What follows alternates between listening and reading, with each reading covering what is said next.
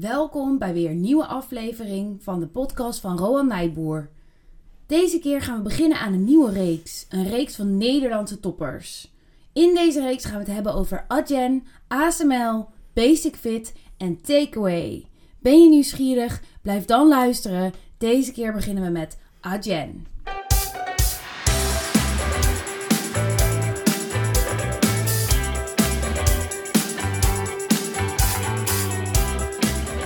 Mijn naam is Barbara en naast me zit. Rowan, hallo. Hallo. En eh, deze keer gaan we dus beginnen aan een nieuwe reeks. En in de reeks gaan we het hebben over Adyen, ASML, Basic Fit en Takeaway. Rowan, waarom deze vier?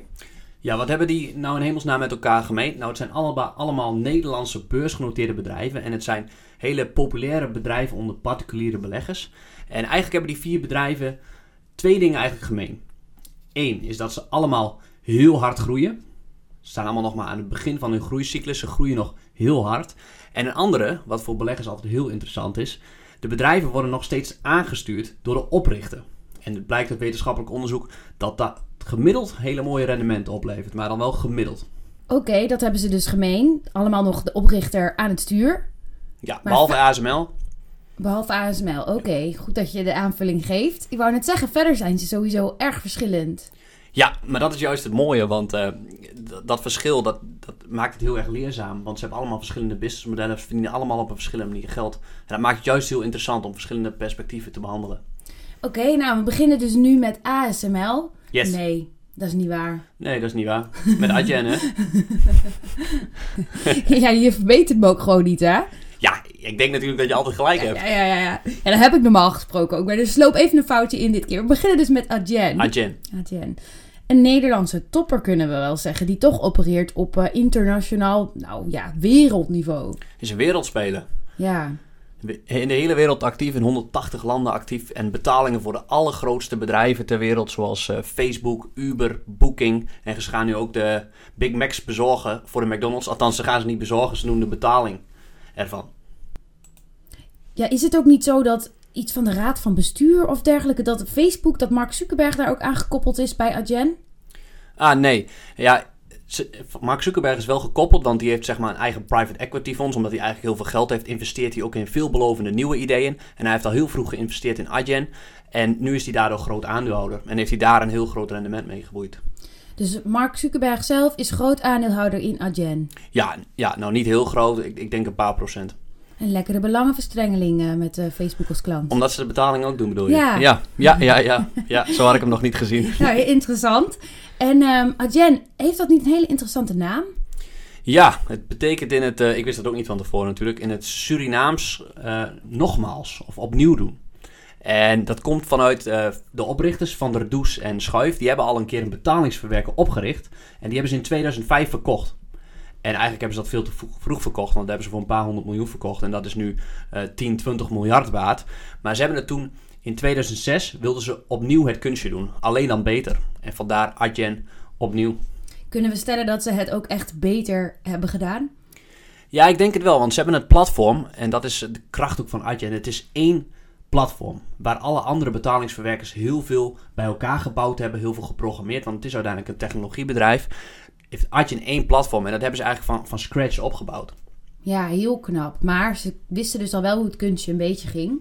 Ja, dat heeft een gigantisch voordeel. Als je dat eenmaal hebt gedaan, dan, uh, ja, dan weet je wat je de vorige keer fout hebt gedaan. Dus dat helpt enorm. Dat is helemaal waar. En het is nog niet zo lang een beursgenoteerd bedrijf, toch? Nee. Juni 2018 gingen ze naar de beurs voor 240 euro per aandeel. En ze staan nu, geloof ik, op 738 euro toen ik vandaag keek. Wauw. Dus, dus keer uh, drie eigenlijk. Was hun beursgang niet ook al wel spectaculair? Ja, het was bizar, want op de eerste dag ging die beurskoers met 100% omhoog. Wauw. Ja, en nadeel van particuliere beleggers denken van, had ik daar ook van kunnen profiteren op die eerste dag? Uh, nee, want bij die beursgang konden particuliere beleggers niet inschrijven. Oké, okay. ik ben nieuwsgierig hoe dat werkt, maar dat is denk ik een onderwerp voor een, uh, voor een andere podcast. Wat wil je ons vertellen over Adyen? Uh, misschien wat het is. Ja, een betaalprovider, uh, vertelde jij. Een betalingsverwerker. Ja. Als jij ergens een product koopt op Coolblue bijvoorbeeld, die doen ze ook. Dan doen zij de betaling en de volledige service. En ze checken of het betrouwbaar is. En ze zijn altijd heel betrouwbaar, waardoor een partij als Coolblue meer transacties ziet doorgaan. En zij zorgen dat het geld eigenlijk gelijk bij Coolblue op de rekening staat. En zij rekenen daar dan een heel klein beetje geld voor. En dat is eigenlijk ook wel de kracht van Adyen. Want uh, creditcardmaatschappijen zoals Mastercard en Visa, die rekenen een heel groot percentage van elke transacties. En zij rekenen eigenlijk maar 22 basispunten. En dat... Ja, dat zegt gewoon, uh, volk toch helemaal niks. Nee, maar dat ging ik even uitleggen, proberen. um, dat betekent als je voor 100 euro een product bestelt bij Coolblue, mm dan krijgt Adyen daarvan 22 cent. Oké. Dus eigenlijk ja, 0,22 van die betaling krijgen ze elke keer. En daarmee zijn ze eigenlijk de goedkoopste van alle grote concurrenten. Maar wel voor de echt grote bedrijven. Ja, ze hebben ervoor gekozen om zich alleen op de allergrootste bedrijven te richten. Ze zijn ooit begonnen met alleen Groupon. En toen ze die binnen hadden, toen kregen ze steeds grotere klanten. Want dan, ja, klanten willen eenmaal weten dat je gevestigd bent. Want betalingen voor klanten is natuurlijk essentieel. Als er een dag niet betaald kan worden, vallen zelfs de sterkste bedrijven om. Ja, dat moet goed gaan. Dat moet goed gaan. Dat is, dat is, dat is essentieel. Ja, en dat hebben ze dus eigenlijk heel slim gespeeld, want dat is gelukt. De allergrootste zijn nu klant bij hun. Ja, echt de allergrootste bedrijven ter wereld. Echt bizar. Zoveel klanten. En uh, ja, eBay, wat hun grootste klant zelfs, die hebben net recent binnengesleept. Maar al die klanten, zoals die ik net al noemde, Facebook, Netflix, Booking, Uber, die groeien zelf op zich al als kool. Dus wat Adyen alleen maar hoeft te doen, is meegroeien. Ja, en zij brengen eigenlijk al die transacties natuurlijk aan, waar Adyen gewoon iedere keer een heel klein stukje van meepikt. Maar doordat het om zulke gigantische hoeveelheden transacties gaat, gaat het uiteindelijk ook om een groot bedrag. Ja, dat is gigantisch op zulke aantallen. Want uh, ja, maar misschien qua perspectief is het ook nog heel klein. Want de hele betalingsmarkt wereldwijd is iets van 23.000 miljard dollar. En ze verwerk, hebben zelf in 2018 nog maar 160 miljard aan waarde verwerkt. Dus eh, veel minder dan 1% eigenlijk doen ze nog maar van die markt. En het lijkt me een groeiende markt. Ja, de markt groeit als kool. Echt uh, verschillende redenen waarin Adyen heel hard groeit. Eén, zoals al gezegd, die bestaande klanten zoals Facebook groeien zelf heel hard. Dus Adyen groeit mee. Daarnaast krijgen ze een groter deel van de betalingen, mogen ze gaan verwerken voor Facebook en dergelijke. Ze doen nu ongeveer 50 à 60 procent van de betalingen van de grootste klanten. Dus Facebook maakt ook nog gebruik van andere betaaldienstverleners? Ja, klopt. Puur om uh, vaak risico's te spreiden willen ze het niet door één partij laten doen. Slim. Slim, ja. ja. Ja, zoals Spotify, die is ook klant bij Adyen, die heeft tegen Adyen gezegd... we willen maximaal 70% door jullie laten doen. Ja, ik snap het eigenlijk wel. Ja, en uh, ja, dit is ook gelijk uh, concurrentie, zoals Booking. Uh, dat gigantische, je kent het, als je een hotelkamer boekt, dan ga je vaak naar Booking. Die gaan nu ook zelf betalingen doen. Oké. Dus het is niet zo dat bedrijven dat niet zelf kunnen. Een Amazon en een Google, die doen hun eigen betalingen. Dus ja. dat is natuurlijk ook altijd een concurrent. Ja. En misschien ook een gevaar voor de risico's straks. maar er zijn nog meer andere groeikansen. Bijvoorbeeld dat je meer diensten in de toekomst gaat verkopen. En ja, nou in het algemeen de hele verschuiving van offline naar online, daar gaan ze enorm van profiteren. Ja, natuurlijk, dat is die groeiende markt ook nog steeds. Ja. En uh, ben ik wel even nieuwsgierig, zit Adyen dan nog steeds in Nederland? Het hoofdkantoor zit in Nederland, ja. ja. Eigenlijk alle technologiebedrijven zitten natuurlijk in Silicon Valley in Amerika. Maar zij zitten hier. En uh, dat, die topman heeft ook wel gezegd, dat heeft een voordeel. Want uh, ja, we hebben hier gewoon best wel veel talent op dat gebied. En in Silicon Valley zit elk technologiebedrijf op dezelfde talenten te vissen. Ja, dat snap ik wel. Die zitten allemaal uh, in dat vijvertje daar uh, een hengeltje te gooien. Allemaal in dezelfde vijver. en dan ben ik wel nieuwsgierig, want hun vorige bedrijf van deze, van deze oprichters is natuurlijk overgenomen. Hebben ze verkocht. Hebben ze dan niet ook al een bot op Adyen gehad? Dat weet ik niet. Niet dat ik weet. Soms, soms hoor je dat niet. Uh, in principe heeft hij altijd gezegd: we zijn niet te koop. Althans, Van der Does, de CEO, de medeoprichter. En hij zegt ook eigenlijk: ja, ik zit erin voor de lange termijn. En, en hij heeft recent nog gezegd: we zijn pas op 10% van onze weg. Wauw, nou ze hebben dus dan blijkbaar ook echt wel een heel, uh, heel uitgestippeld plan voor het bedrijf. Dat klopt, dat klopt. Weet je daar iets van? Wat, dan, wat zij dan die 10% noemen en waar ze naartoe willen? Ja, dat is moeilijk om te kwalificeren. Ik zei al, die totale betaalmarkt is iets van 23.000 miljard en die groeit elk jaar met 10%. En ze doen daar slechts een fractie van, 160 miljard. En ze groeien, ja, ze verdubbelen de laatste paar jaar eigenlijk elk jaar verdubbeld de winst die ze maken. Want ze hebben, het businessmodel is fantastisch. Want ze hebben het platform. Als ze een nieuwe klant vinden, dan hoeven ze die alleen maar aan te sluiten. op hetzelfde platform. En dat platform brengt, vanzelf nieuwe klanten, nieuwe transacties binnen. En ze hoeven daar niks voor te doen. En de kosten stijgen dus niet mee. Dus de omzet stijgt wel en dan krijg je een soort van hefboom-effect. Als de omzet met 50% stijgt, stijgt de winst met iets van 100%. Ja, precies. Dat is eigenlijk geniaal. Ja, ja, en ze zijn dus ook bizar winstgevend. Ja, als belegger vind jij winst natuurlijk altijd leuk. Maar wat is bizar winstgevend dan? En bizar winstgevend zijn hele hoge netto winstmarges. Dat betekent dat je van elke euro die je verdient eigenlijk procentueel heel veel overhoudt. En Adyen bijvoorbeeld, het afgelopen half jaar haalden ze 221 miljoen aan omzet binnen. En daar hielden ze 92 miljoen netto winst aan over. Netto winst is voor de aandeelhouders uiteindelijk. En dat betekent dus meer dan 41% netto winstmarges. En dat is uniek voor een bedrijf die ook nog heel hard groeit en heel erg investeert in die groei. Dus elke euro die er binnenkomt is 41 cent echt gewoon voor hun. Alles Ja. is daar al af. Belasting, kosten. Goeie samenvatting, ja. Wauw, En wat gaan ze daarmee doen?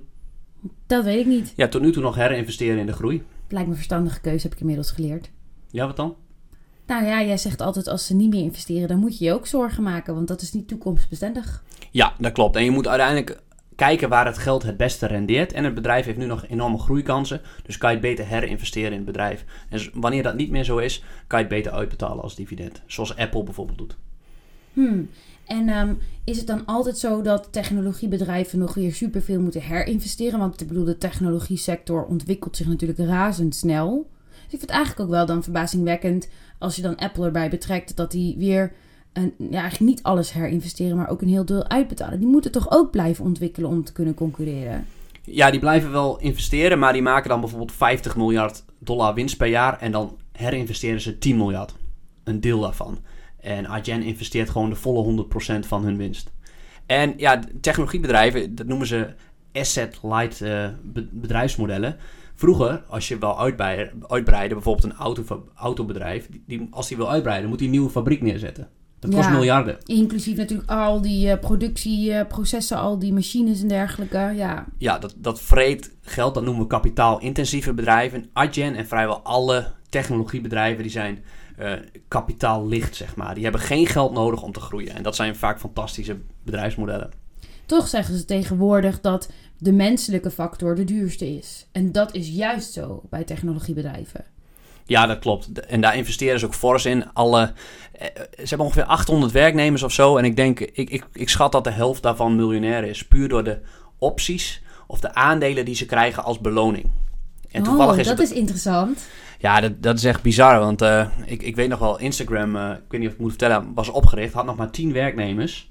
En toen kwam een Nederlander bij Instagram werken. En toen werd de tent overgenomen door Facebook. En die betaalden een miljard. Dus eigenlijk 100 miljoen per medewerker. En die nieuwe medewerker, die Nederlander, had net een aantal opties gekregen. Waardoor hij in één keer eh, multimiljonair was daardoor.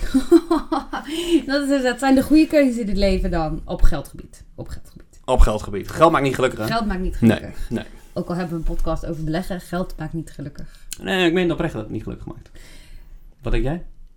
Ja, nee, ik denk zeker niet dat het niet gelukkig maakt. Hoe zei ik dat? Je denkt We gaan zeker niet- verder, we ja, gaan verder. Ja, ik wil er toch even op terugkomen, want ik denk dat het uiteindelijk dat we gelukkig worden van persoonlijke groei en beweging. Dus dat als we nieuwe dingen meemaken en als we in beweging blijven, dat dat ons gelukkig maakt. Dat eh, geloof ik. En de meeste uit onszelf halen.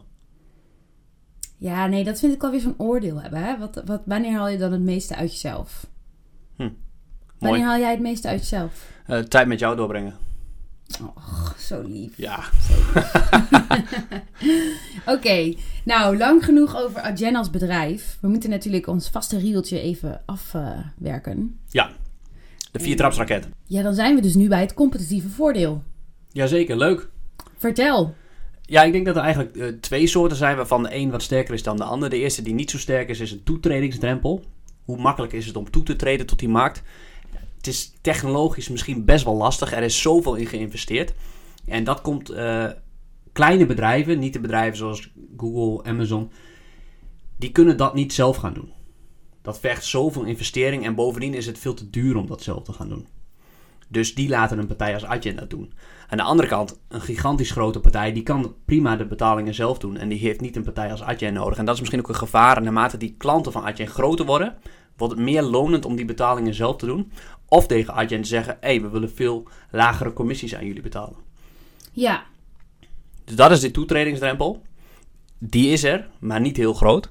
Wat wel denk ik heel handig is, zijn de, de zogenaamde lock-in effecten waar we het al eerder over hebben gehad. Als je eenmaal de betalingen laat doen door Adyen, dan zijn er niet veel die wisselen. En sterker nog, de afgelopen jaren slechts 1% van de klanten is gewisseld. Dat noemen ze in beleggerstaal ook wel de churn rate. Hoeveel zeggen erop? En dat is minder dan 1%. En ze, zien eigenlijk geen klanten weglopen. Ik kan me ook voorstellen dat dit hele hoge wisselkosten heeft. Hè? Zoals we eerder al zeiden, het is essentieel als bedrijf dat je betalingen goed gaan. En ja, als het goed gaat, dan is de kans dat je bij een ander iets misgaat, is groot. Dus dan moet het wel echt heel raar lopen, denk ik, wil je kiezen als bedrijf om weg te gaan en naar een andere partij over te lopen. Als daar geen extreme in zitten. Dat klopt. Eh, die is heel groot en je wil niet dat er iets met die betalingen misgaan. Dat mag niet een dag eruit liggen. Nee, en wat ik dan zelf nog wel een competitief voordeel vind, is dat die oprichter, of oprichters zijn het, Ja? dat, dat ze het, al een, het kunstje al een keer gedaan hebben. Dat hebben ze natuurlijk wel voor op startende ondernemers die een poging zouden willen doen om te gaan concurreren met Adyen. Ja, die ervaring die is onmisbaar. En dat verklaart denk ik ook waarom Adyen zo snel zo groot is geworden. Omdat ze al wisten hoe het moest. Ja, precies. Ik weet niet of dat een competitief voordeel is. Want andere bedrijven kunnen dat denk ik soort van eh, kopiëren. Dus ik vind hem niet zo sterk. Maar het is wel een kracht. En als je heel veel kleine dingetjes heel goed doet. Ja, dat is ook een soort van competitief voordeel. Ja, hij leunt natuurlijk meer tegen management aan. Mhm. Maar ik kan me wel voorstellen dat het, eh, ja, er zitten toch bepaalde beginnersfouten in. Of, of dingen die zij al weten die je, die je moet voorkomen. Dat klopt. Het kunstje is gedaan en dat, dat helpt gewoon. Ja. Eh, ja, maar over die competitieve voordelen. Ik, ze zijn er, die wisselkosten vooral. Ik weet niet of het super sterk is. Want Spotify laat bijvoorbeeld, zoals ik zei, of elk bedrijf, bijna geen bedrijf laat 100% van de betaling door dezelfde te doen. En stel dat Adyen eh, in de toekomst zijn tarieven wil opschroeven. Want dat is natuurlijk ook de kracht van een competitief voordeel. Zegt ook van, ja, kun je in de toekomst meer gaan vragen voor je producten? Dat is denk ik heel lastig. Omdat er gewoon ook heel veel concurrentie is. Ja. Tegelijkertijd, het feit dat ze zulke grote klanten hebben, trekt natuurlijk weer andere grote klanten aan. Ja, dat, dat, dat geeft enorm vertrouwen. En vandaar ook die beursgang. Dat is een van de redenen. Dat je dan vertrouwen aan grote klanten uitzalt. hey, we zijn een gearriveerde partij. Je kunt ons vertrouwen die betalingen. Gaat, dat gaat allemaal goed, ja. Ja, Dan leunen we eigenlijk al tegen concurrentie aan. ja zoals gezegd, er is, er is concurrentie. Zowel van de grote IT-bedrijven die een deel van de betalingen zelf doen. Maar er zijn ook heel veel gespecialiseerde Adyen-concurrenten. In Amerika heb je bijvoorbeeld Stripe. Die zijn even groot. Die zijn nog niet beursgenoteerd. Maar die doen vooral...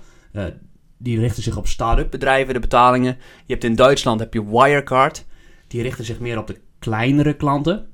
En Adyen doet de grote klanten nu. En ze gaan nu meer en meer de kleine klanten doen. Ik denk dat die route van Adyen veel slimmer is dan eerst de kleine te doen en dan naar de grote. Volgens mij is het veel makkelijker om eerst de grote klanten te hebben. Want die hebben zulke, zulke sterke eisen. En als je die eh, goede dienstverlening kunt bieden, ja, dan kun je dat denk ik ook aan de kleinere klanten. Ja, En bovendien, bij kleinere klanten krijg je natuurlijk veel meer per betaling. Dus het lijkt misschien minder aantrekkelijk, maar je verdient per transactie wel veel meer. Omdat die een veel slechtere onderhandelingspositie hebben. Even uit nieuwsgierigheid. Hè. Heeft, van wie heeft Adyen dan die, klanten, die klandizie gestolen? Waar die klanten vandaan komen. Ja. Dat, dat is dan, dan gaan ze eerst een deel van een partij doen. eh, van Wirecard, dat is een Duitse partij. Die is nog wel eens een opspraak door fraude. Daar is nog wel eens in het verleden een klant vandaan gekomen. Oké. Maar je weet niet bijvoorbeeld bij Facebook waar ze zaten en, en waar ze dan nu een deel hebben weggehaald en naar Adyen hebben verschoven. Nee, ik weet niet precies hoe dat zit. Ik, ik denk dat dan Facebook dan bijvoorbeeld eerst een deel van de betaling groot deel zelf deed. En dat ze nu denken, hey, een andere partij kan het veel slimmer. Dan hoeven wij ook niet allemaal die hele duur betaalde technologie-nerds in te huren die, die betalingssoftware ontwikkelen. Maar dat kan Adyen gewoon voor ons doen. Ja, want dat hebben we nu niet benoemd, maar de financiële markt is natuurlijk zeer regelgevoelig. Heel veel eh, wetten en regelgeving waar je van op de hoogte moet blijven, waar je aan moet voldoen. En al die verschillende partijen, hè, denk maar aan dat je met PayPal samen moet werken, maar ook eh, creditcards en al die verschillende nationale banken die je moet kunnen bedienen. Hè. Wij hebben dan Ideal, maar in België hebben ze volgens mij Klarna. Eh, Duitsland heeft weer een ander Ja. betaalsysteem. Ja, dat, dat moet je ook allemaal maar willen. Ik kan me voorstellen dat je als Facebook er niet op zit te wachten dat je al die kosten moet maken. En eh, hè, zoals in Nederland moet je ook, eh, weet ik toevallig, eh, moet je ook een, een deel weer afvragen aan de bank. Dus bijvoorbeeld Mhm. eh, als je bij Rabobank zit en je doet een betaling, gaat een deel van die betaling ook nog weer naar Rabobank. Dus het is zo'n ingewikkeld systeem achter. Ik kan me voorstellen dat je dat niet, uh, niet eigen huis wilt doen. Ja, dat je dat uitbesteedt. Ja, en Adyen kan perfect al die betalingsmogelijkheden bij die grote bedrijven aansluiten. Ja. Is er nog meer wat je wilt zeggen over de, het competitieve voordeel of de concurrentie? Uh, ja, nou ja, ik denk bijvoorbeeld, uh, ja, een groot deel concurrentie is dat Google en Amazon een deel van hun betalingen doen. Dus heb ik al eerder gezegd, dat naarmate bedrijven groter worden, de kans groter is dat ze dat zelf gaan doen. Booking gaat dat nu ook doen. Uh, ik denk ook nog dat een Libra, ik heb geen idee of dat er uiteindelijk doorgaat, of, maar als het doorgaat, kan dat ook grote concurrentie zijn. Ja, dat is wel interessant, want dat is weer Facebook.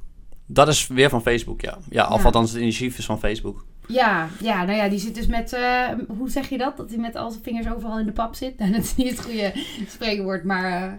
Ja, die zijn uh, tentakels overal verspreid. Ja. Voor iemand van in de 30 doet hij het ja, goed. Doet hij goed, doet ja. hij goed. Oké. Okay. Wil je daar verder nog iets over zeggen of gaan we door naar het management? Um, ja, ik, ik, denk gewoon dat de concurrentie er best wel is. En dat, dat maakt het lastig om in de toekomst bijvoorbeeld prijzen te verhogen. Ja, maar wel groei. Ja, groei is, groei is mogelijk, en, maar we komen ook bij de waardering. Er wordt ook heel veel groei verwacht door beleggers. Oké, okay, maar voordat we dat doen, gaan we dus naar het management kijken. Ja, ja. Uh, management van der Does en uh, Schuif, die hebben het bedrijf dus opgericht. De ene is, de eerste genoemde is nog steeds CEO en de andere is COO, de, de baas van de operaties. Um, hebben nog samen voor 1,6 miljard euro aan aandelen. Van de Does 1,4 miljoen aandelen en uh, Schuif 1,9 miljoen. Uh, bij de beursgang hebben ze wel uh, 12 en 30 procent van hun belang verkocht. En ook bijvoorbeeld in augustus hebben ze nog voor 300 miljoen euro aan aandelen verkocht. Dus ze zijn wat dat betreft, ik zei net, ze zitten erin voor de lange termijn. Maar aan de andere kant zijn dat best wel forse verkopen die ze hebben gedaan over de tijd. Eigenlijk hebben ze een deel van hun vermogen veiliggesteld. Ja, ja, ja. een soort spreiding. Ja. ja. aan de ene kant kun je daar niet zoveel van zeggen. Een, een verkoop is nooit zo'n sterk signaal dan een CEO die een, een, koop doet. Als je aandelen koopt uit eigen zak, dat vind ik altijd een enorm koopsignaal naar beleggers toe. Want ik heb vertrouwen in het. Want management kent natuurlijk het bedrijf door en door. Ja. Uh, wat ik nog wel lachen, als je het management wil uh, leren kennen, hoe ik dat altijd doe bijvoorbeeld. Ik ga vaak op YouTube uh, interviews bijvoorbeeld bekijken. En met die Van der Does, daar staan hele leuke interviews op. Maar daarin is hij eigenlijk heel uitgesproken. Echt een leuke technologiegast, een beetje een, een, een nerd in dat geval. Economische achtergrond trouwens. En vervent bergbeklimmen schijnbaar. Dan krijg je toch een beetje een kijkje achter die mensen. En je kunt echt zien in die zin dat het echt ondernemers zijn en geen managers. En ja, dat heeft als belegger enorm de voorkeur. Want een manager is vaak wat meer op de korte termijn gericht. En een ondernemer, die kijkt echt ver vooruit. Ja, en dat... zij hadden natuurlijk al aangegeven dat ze pas op 10% zijn. Klopt. En ja, heb je nog meer wat je wilt delen over het management? Ja, ja eBay hebben ze afgelopen jaren eigenlijk als grootste klant binnengesleept. Die gaan, die, daar doen ze nu nog niks voor, maar dat gaat in 2020 lopen. Ik vind, ze hebben daar eBay wel een optie gegeven op een belang in Adyen. Dus ze wilden die klant eigenlijk zo graag binnenslepen dat ze daarvoor, ja, dan geef je daar wat voor terug, zeg maar. Ja. Want als je eBay kan doen, daar komen zoveel transacties. Ja, dat is een enorme vis. Maar ik hoor daar een mening over bij jou, tussen de regels door. Ja, in die zin dat ze hun eigen aandelen eigenlijk een beetje niet weggeven, maar dat ze daar wat minder zuinig mee zijn. En ik vind dat je je eigen aandelen als bedrijf altijd als goud moet behandelen. Dat is het meest kostbare bezit. Die mag je niet zomaar uh, weggeven. Nou, ze geven ze niet weg, maar ja, het is wel een soort van uh, koehandel in dat opzicht. Nou ja, als je het op een, op een andere manier bekijkt. Ze hebben dus nu al twee keer succesvol een, een groot bedrijf opgericht. We hebben daar blijkbaar ook plezier in. Um, hè, dus wat let zo om in de toekomst ook Agen weer uh, los te laten en weer echt te gaan ondernemen en bij het begin te beginnen. Ja, wie weet als ze dat leuk vinden. Ik denk dat ze dat kunstje nog wel een keer kunnen doen. Ze hebben vast genoeg ideeën. Uh, ze weten blijkbaar hoe het moet. Ja, ja. En wat ik eigenlijk heel mooi vind is dat... Van de Does heb ik dan voornamelijk interviews van gezien. Hij is zo bescheiden. En ook na de beursgang... De meeste CEO's en managementteams gaan een groot feest vieren... en denken dan van... Ja, het zit erop. We zijn naar de beurs. We zijn klaar. Maar hij, hij heeft eigenlijk gewoon gezegd... Nee, is niks bijzonders. Is gewoon... Uh, we hebben een beursnotering, we hebben andere eigenaren erbij. Morgen gaan we gewoon weer keihard aan het werk. Ja, mooi. En ehm, tot slot heb ik een keer wat horen zeggen over dat je het goed vindt dat zij maar twee keer per jaar hun cijfers uitbrengen.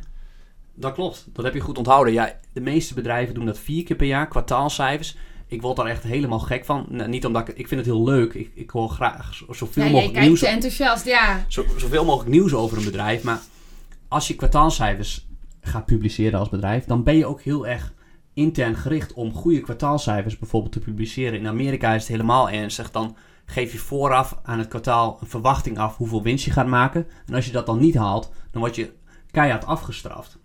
En dat kan best een goede reden hebben dat je niet zoveel winst hebt gehaald dan dat je hebt gezegd. Omdat je bijvoorbeeld een hele mooie kans zag om te investeren. Ja, En die kosten gaan nou eenmaal voor de baat uit. En als je dat dan niet doet, die investering, dan heb je nu wel een hoge winst. Maar in de toekomst maak je dan het bedrijf eigenlijk wat zwakker. wat je volgens mij wilt zeggen is, het is korte termijn focus. Exact. En eigenlijk leef je dan van kwartaal naar kwartaal en probeer je dan elk kwartaal, en dat is maar drie maanden, probeer je als gigantisch bedrijf iets moois neer te zetten.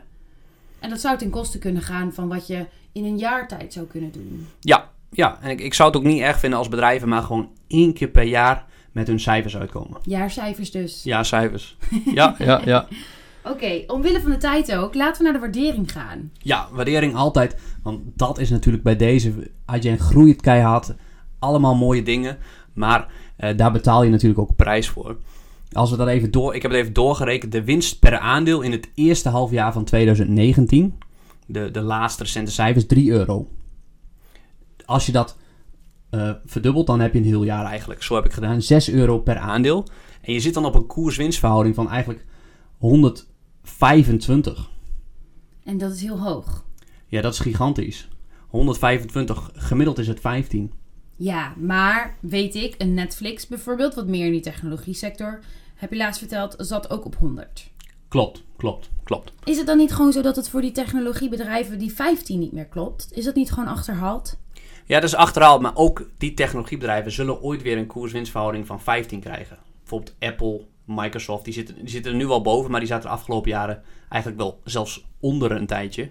Eh, dat, dat is maar net hoe hard je groeit. En hoe harder je groeit, hoe meer beleggers bereid zijn om te betalen voor zo'n bedrijf. Want als je even, heel simpel, ze hebben de afgelopen jaren de winst bijna verdubbeld elk jaar. Als ze volgend jaar de winst verdubbelen, dan halveert de koers-winstverhouding. En als ze daarna de winst weer verdubbelen, dan halveert de koers-winstverhouding weer. En dan heb je, zit je nog maar rond de 30 qua koers-winstverhouding. Ja, Want in die koers-winstverhouding, daar zit, daar zit de winst ten opzichte van de koers. En als de winst heel erg stijgt, dan, ja, wiskunde vertelt dan dat de, de ratio, de uitkomst van die formule neemt af. en wat zegt dat dan? Dat zegt dat dan het kan terecht zijn om zo'n hoge koers-winstverhouding van 125 te betalen. In normaal Nederlands, als Adyen de komende 10 jaar elk jaar zijn winst weet te verhogen, dan is een koers-winstverhouding van 125 gigantisch laag. Ja, want, dat zet me aan het denken als je dus bij zo'n techbedrijf waar, waar dit wel vaker voorkomt, zo'n hoogkoers-winstverhouding. Als je daar dus niet instapt omdat je zegt, ja, die koers-winstverhouding is te hoog, dan mis je misschien wel die groeispurt die zij juist vaak aan het begin van eh, het ontstaan van het bedrijf meemaken. Als je nooit naar hoge koers-winstverhouding kijkt als belegger, dan mis je eigenlijk ook altijd de grote klappers. Precies. Hoe bepaal je dat dan? Wat bedoel je precies? Ja, hoe bepaal je dan of die koers-winstverhouding, of dat oké is, dat die zo hoog is? Ja, dit, dit is de vraag die een belegger zich moet stellen. Dat, dat, dit is ontzettend moeilijk. Ik hoor hier dus weer een eh, podcast onderwerp waar we het een keer uitgebreid gaan hebben over de koers-winstverhouding. En eh, Ja, want die, die, vraag kijk ik altijd. Kun je, kun je precies de waarde van een aandeel berekenen? Ik denk dat dat niet precies kan. Ik denk dat het wel ongeveer kan. Kijk, uiteindelijk komt het er al aan. Ben ik bereid bijvoorbeeld om deze koers-winstverhouding te betalen? En heel, soms is het heel duidelijk. Ik heb bijvoorbeeld in december aandelen Facebook gekocht. Hebben we het over gehad. Toen zaten ze op een koers-winstverhouding van 15. Het gemiddelde van alle bedrijven. Maar is Facebook een gemiddeld bedrijf? Vond ik niet. Facebook groeit nog steeds de omzet met 30%. En de winst eigenlijk groeit daarin mee. Ja, dan wil ik veel meer betalen dan een gemiddelde koers-winstverhouding. ja, dan een bedrijf dat gevestigd is en netjes zijn, ehm, zijn omzet draait. Ja, want een bedrijf als Ahold van Albert Heijn bijvoorbeeld zit ook op een koers-winstverhouding van rond de 15. Ja, welke wil je dan liever? Ahold of Facebook? Goed, daarmee komen we dus eigenlijk bij het einde van deze podcast. En rest de vraag: wat is nou jouw afweging om Adyen wel of niet te kopen? Oh, en wat ik je helemaal niet gevraagd heb deze aflevering is: heb jij aandelen Adyen? Ik heb ze niet. Je hebt Nee. ze niet. En wat is jouw afweging dan nu? Ik vind de, de, de waardering, de koers-winstverhouding die je nu betaalt, te hoog voor de kracht van het competitieve voordeel. Ik denk dat er best wel concurrentie is en dat het helemaal niet zo uniek bedrijf in dat opzicht is. Het is wel een gigantisch goed bedrijf, maar ik vind het businessmodel dus niet sterk genoeg om deze waardering te rechtvaardigen. Je zou kunnen stellen: doen eh, alle bedrijven hun betalingen nog via Adyen over 10 jaar? Nou, misschien wel niet, want misschien zijn al die grote tech-giganten het dan wel zelf gaan doen. En is Adyen zijn markt kwijt of wat dan ook. Ja, die betalingsmarkt, wat continu gedisrupt, is ontzettend lastig om tien jaar vooruit te kijken. Ja, Stel dat we punt. overgaan op een, eh, een crypto. ja ook eh, een risico om rekening mee te houden. Dan is maar de vraag of Adyen daar dan op in kan springen. Ja, ik denk niet dat dat risico zo groot is. Wat mij ook nog tegenhoudt bij deze is, ze zeggen, heel veel zeggen, Adyen is uniek. Extreem goede service. De producten zijn het beste van het beste. Ik wil eigenlijk altijd mensen spreken die ermee gewerkt hebben. Mhm. Dus dat iemand van Facebook, een programmeur tegen mij zegt, ja, dat Adyen, eh, die betalingsservice, dat is echt het beste. Het allerbeste. Ja. Dus ik wil mensen spreken, daarom ga ik naar aandeelhoudersvergaderingen. Krijg je toch een feeling met het bedrijf en de producten. En dat is bij Adyen nog niet het geval. Nee. Dus eigenlijk zeg jij, stuur je programmeurs het land in om alle aandeelhouders of potentiële aandeelhouders te overtuigen van waarom jullie coderen zo goed is. Ja, nou, alleen, alleen mij opzoeken. Alleen jou, Ja, oké. ja. Nou, bij deze een verzoekje. Op, oproep aan alle programmeurs. Of een verzoekje aan van, eh, van de Does en eh, Schuif. Stuur eens een keer een programmeur bij Rowan langs. Ja, altijd leuk. Oké, komen we bij het einde. Rowan, is er nog iets dat je wilt delen? Eh, nee, misschien de risico's. Het zijn natuurlijk altijd risico's, dus wees erg voorzichtig. Er zijn data-schandalen mogelijk, veiligheidsuitbraken. Ja, is nog niet zo, toch? Nee, nog niet. Nog niet. Het gaat heel goed. Ehm, de top 10 klanten vertegenwoordigen nu 30% van de omzet. Dus daar zijn ze best wel afhankelijk van. En klanten kunnen dus makkelijk betalingen wisselen. Dus er zijn risico's. Als de groei niet uitkomt, die verwacht wordt, dat is het grootste risico. Als ze niet zo hard kunnen groeien als beleggers verwachten. Want dan krijg je een, ehm, dat, de, dat de waardering in elkaar stort. En met risico hebben we het dan, wat jij, waar je nu op doelt, is dat je misschien een aandeel koopt. En dat als die groei niet wordt waargemaakt, dan zal er geen beurskoersstijging plaatsvinden. En zul je dus je geld niet laten groeien met een aandeel Adyen. Ja, ja en de grootste beleggingsmissers zijn als bedrijven waarvan hoge groei verwacht wordt, die die niet waar kunnen maken. Maar dat zijn ook de mooie kansen. Dat zijn ook de mooie kansen, jazeker. Oké, nou, wil je nou ook een keer weten hoe Rowan deze afwegingen nou precies allemaal maakt? En hoe los je deze puzzel nou op? Op 6 maart, dat is op een vrijdag, geeft Rowan weer een masterclass. In Hattem, vlakbij Zwolle. Ja, dan kun je een hele dag leren over het selecteren van aandelen. Lijkt je dat nou leuk? Kijk dan even op onze website www.rowanmeijboer.nl. En dat was het voor nu. Doei!